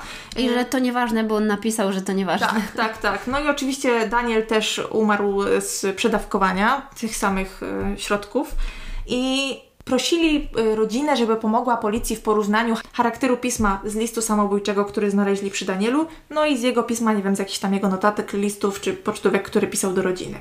No problem był taki, że policja ponoć wysłała rodzinie dosłownie zdjęcie mailem ostatnich, wiesz, dwóch, trzech słów w stylu, nie wiem, pozdrawiam, y, Daniel, czy cokolwiek. No już nie pamiętam, co tam było, jak on się pożegnał w tym liście, ale wiesz... No, Pozdrawiam. no nie, to się pozdrawiam. Przepraszam, ale no wiecie, no tak jak się kończy list, no to używacie dwóch, trzech słów, podpisujecie imię i jakby tyle. Więc no nie dało to rodzinie zbyt dużego pola do popisu, a ponadto też dobrze z tego macocha zauważyła, że przecież oni głównie przez ostatnie x lat komunikowali się z nim No. SMS-ami, mailami, czymkolwiek, tak? I tak naprawdę poza podpisami imienia i nazwiska na kartkach jakichś urodzinowych, które też pokazywała, nie byli w stanie stwierdzić jednoznacznie, czy to jest jego pismo, czy nie. Zresztą, jeżeli ktoś jest wzburzony, tak, w chwili, kiedy miotają nim jakieś ogromne emocje, też może pisać może w jakiś bardziej chaotyczny sposób. Inny, jeżeli nie jesteś specjalistą, to pewnych rzeczy po prostu nie jesteś w stanie stwierdzić, tak? No tak, przecież od tego jest grafolog. No właśnie. Żeby zebrać jakieś tam pewnie jego stare zaszyty i analizować. No właśnie. No i ponoć rodzina powiedziała policji, że nie są w stanie jednoznacznie stwierdzić, czy to rzeczywiście jest pismo Daniela, czy nie. Policja stwierdziła wtedy, dobrze, no to oddamy to do analizy.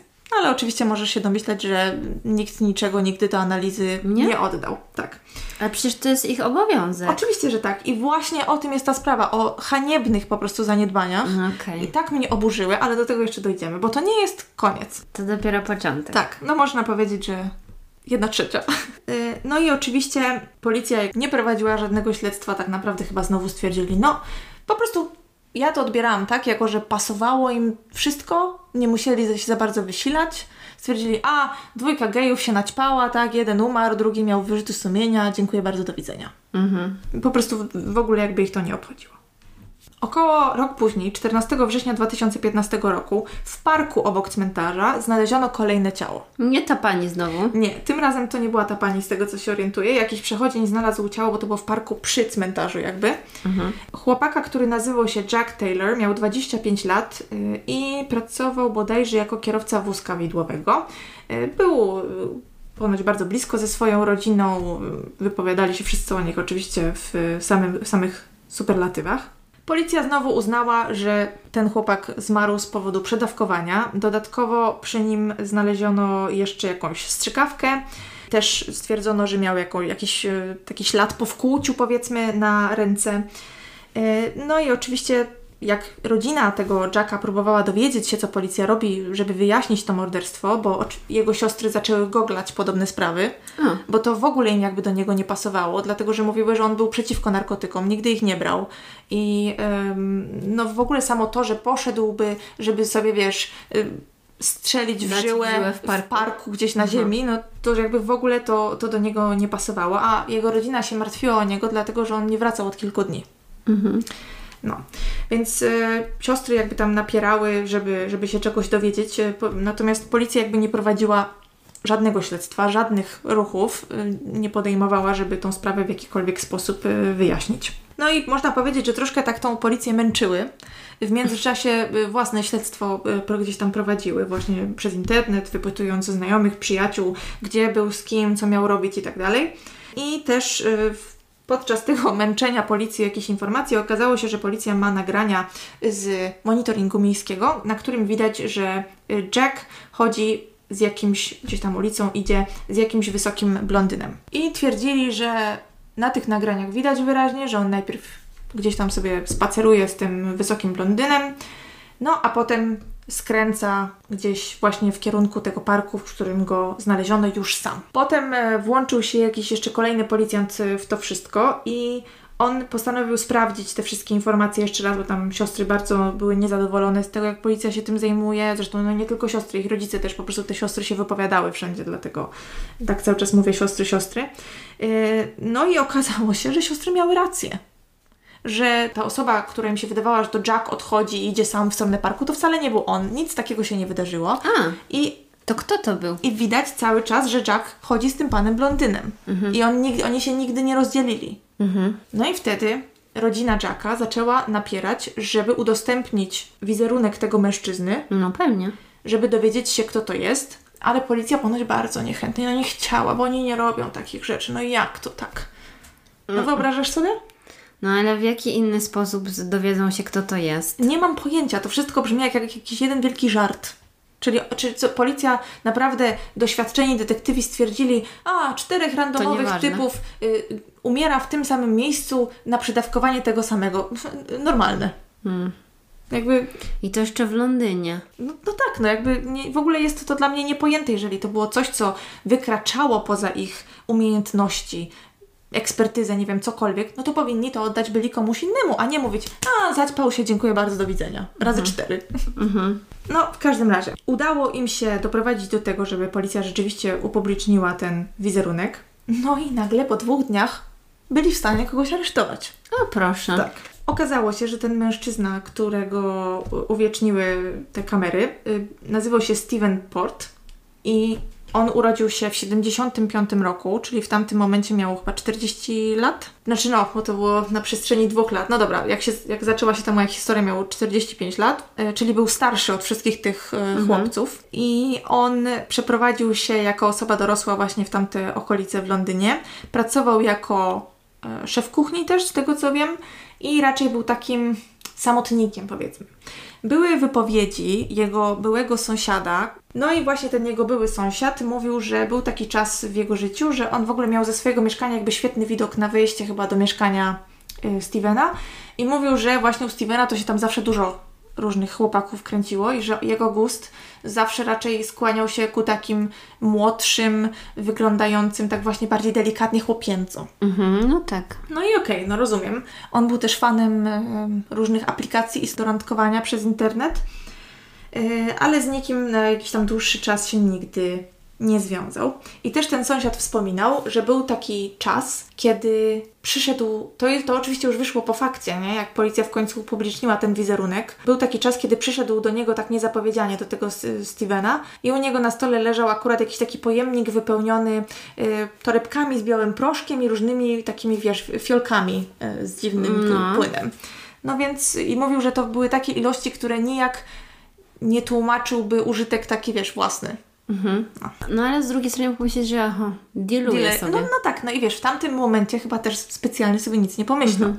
No ale Steven lubił się chwalić temu koledze, swojemu sąsiadowi, e, różnymi nowymi chłopakami, których miał. No i właśnie dzie- przez to ten sąsiad często tych chłopaków poznawał.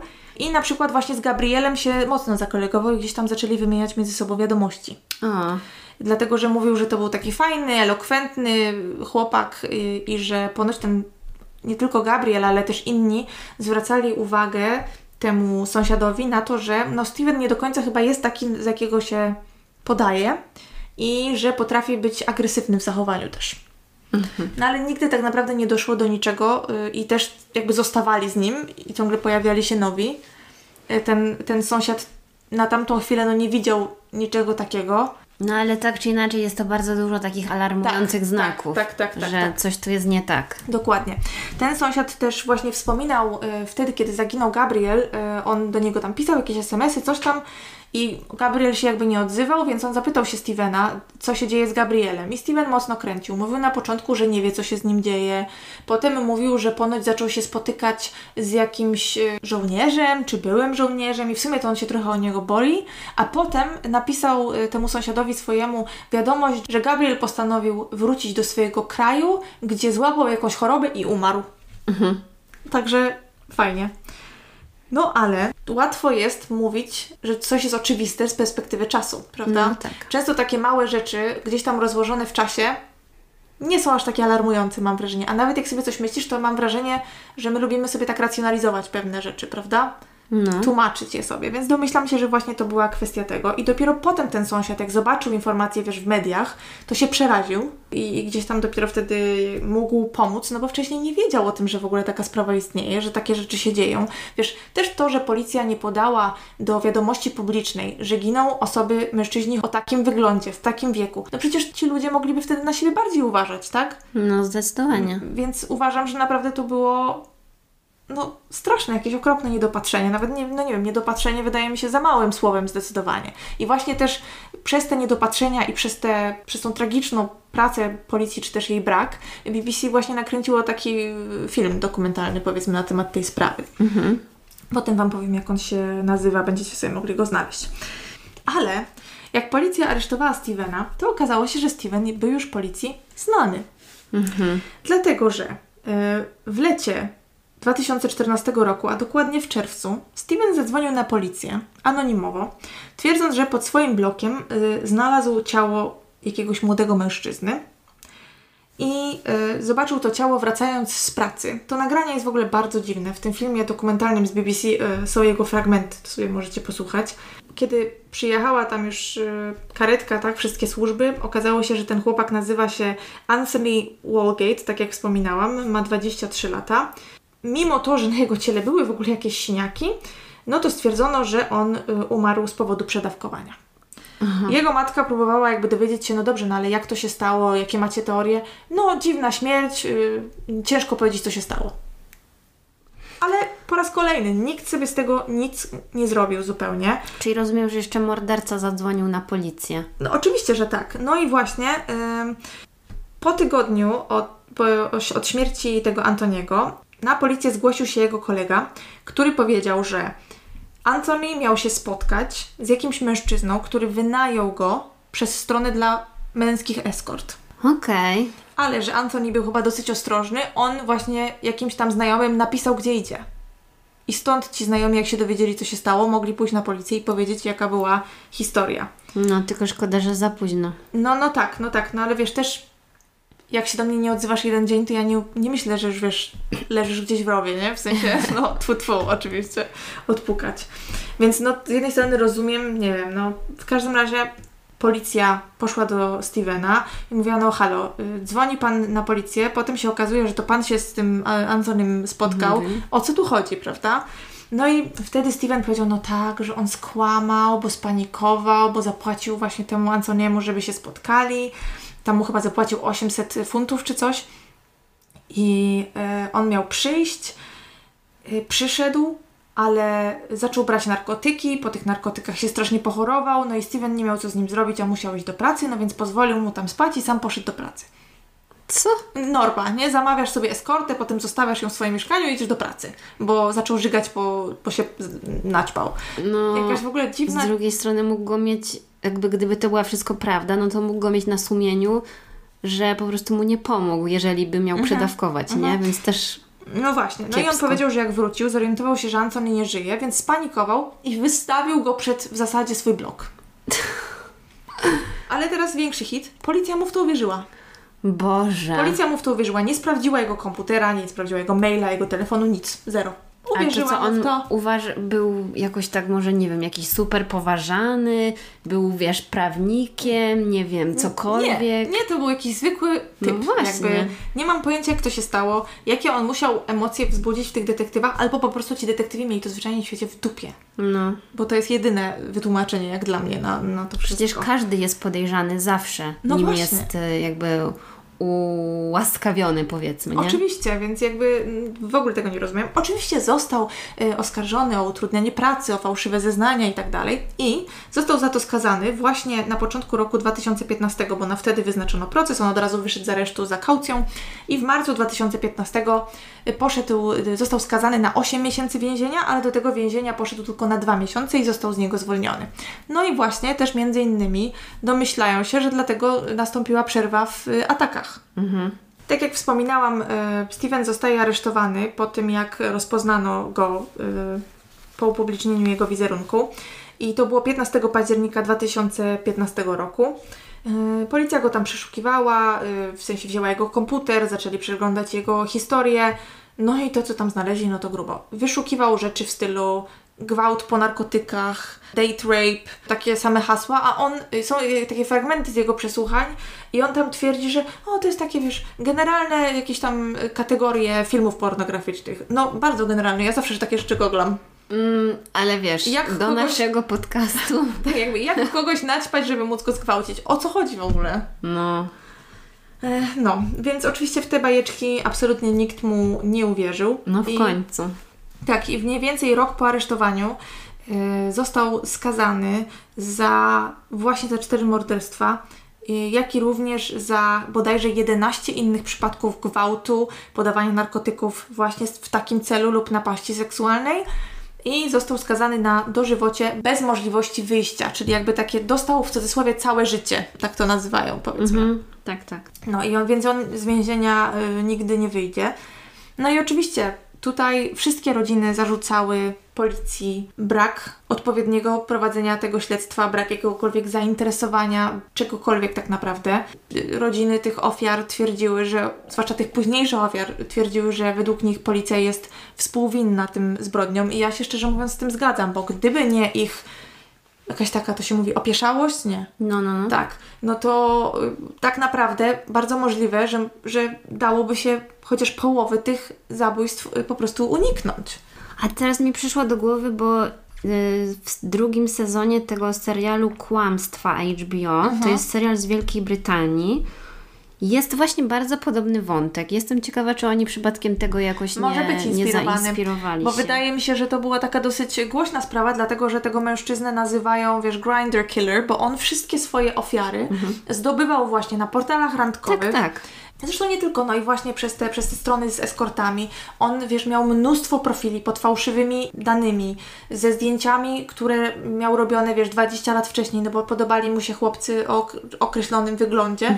No i domyślam się, że dużo z nich mogłoby stwierdzić, że on jest po prostu dla nich, nie wiem, za stary, za brzydki, cokolwiek. E, No i on nijak nie wyglądał jak ten mężczyzna ze zdjęć, bo wiesz, na zdjęciach miał jeszcze pełną głowę włosów, był uśmiechnięty i, powiedzmy jakoś tam wyglądał. Zresztą matka jednego z tego, tej pierwszej ofiary tego Antoniego to mówi, że no ona to tam słów nie szczędzi, że jest taki brzydki, że nikt by na niego nie spojrzał Aha. i tak dalej. Wiesz, no ale co się dziwić, to jest matka, która straciła syna przez niego, bo ten Anthony, no mimo to, że chyba pracował jako eskorta, to jego głównym marzeniem w życiu było zostać projektantem i on studiował modę, nie? I, I że właśnie ona mówiła, że on zawsze mówił, że chciałby być zna, właśnie znanym projektantem i że marzył o tym, żeby ludzie znali jego nazwisko właśnie przez to.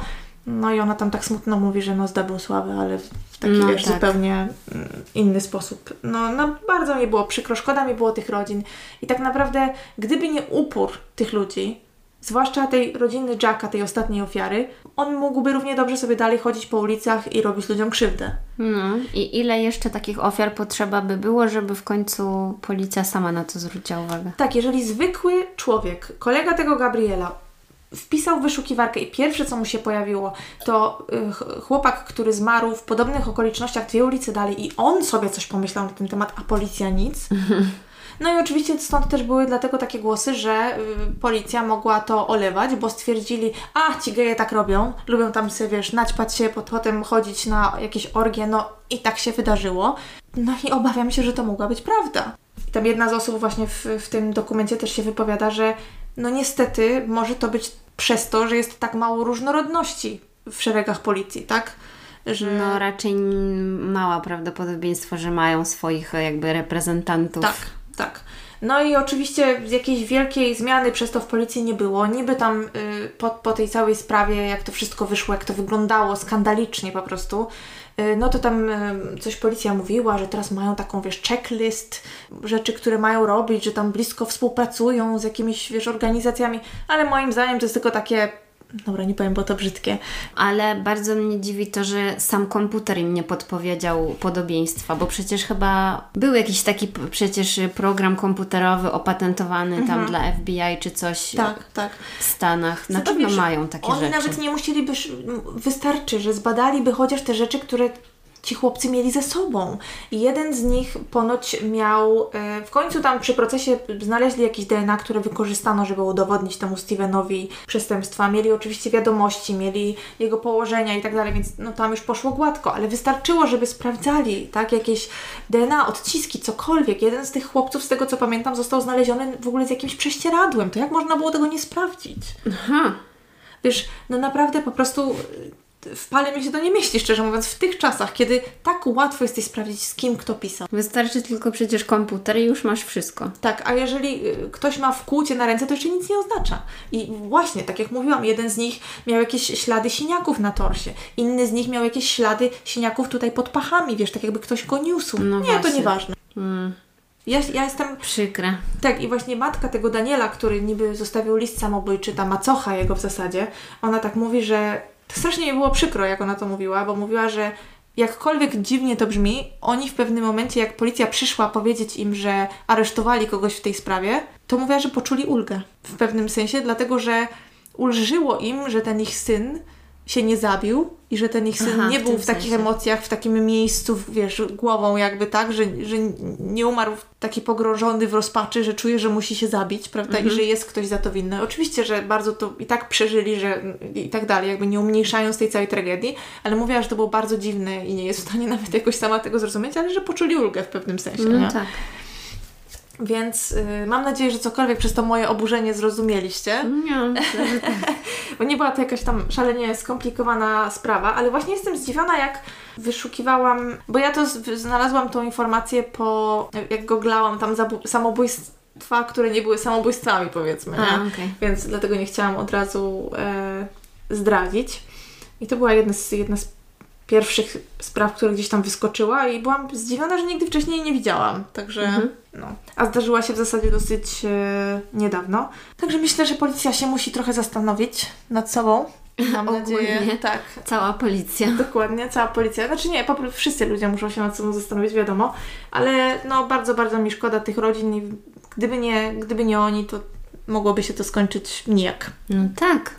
Okej, to nie zapomnijcie sprawdzić właśnie naszych postów na Instagramie z tego odcinka. Też y, wszystkie tam linki do jakichś różnych materiałów też wrzucimy w opisie do tego odcinka. I co? Aha, wiem, co mi się jeszcze przypomniało, ale to odnośnie mojej sprawy, bo poczułam trochę wyrzuty sumienia, że być może byłam za bardzo stronnicza i na pewno ktoś mi to wytknie. Także, no trudno. Nie, ale starałaś się być bardzo dyplomatyczna, zwłaszcza na końcu, e, przyznając się, jakie też były Twoje... No, no po prostu ja też zostałam zmanipulowana przez media, także nie da się tego uniknąć. Nie to da prawda, Się. to prawda. To dziękujemy za uwagę. Dziękujemy i do usłyszenia za tydzień. Do usłyszenia.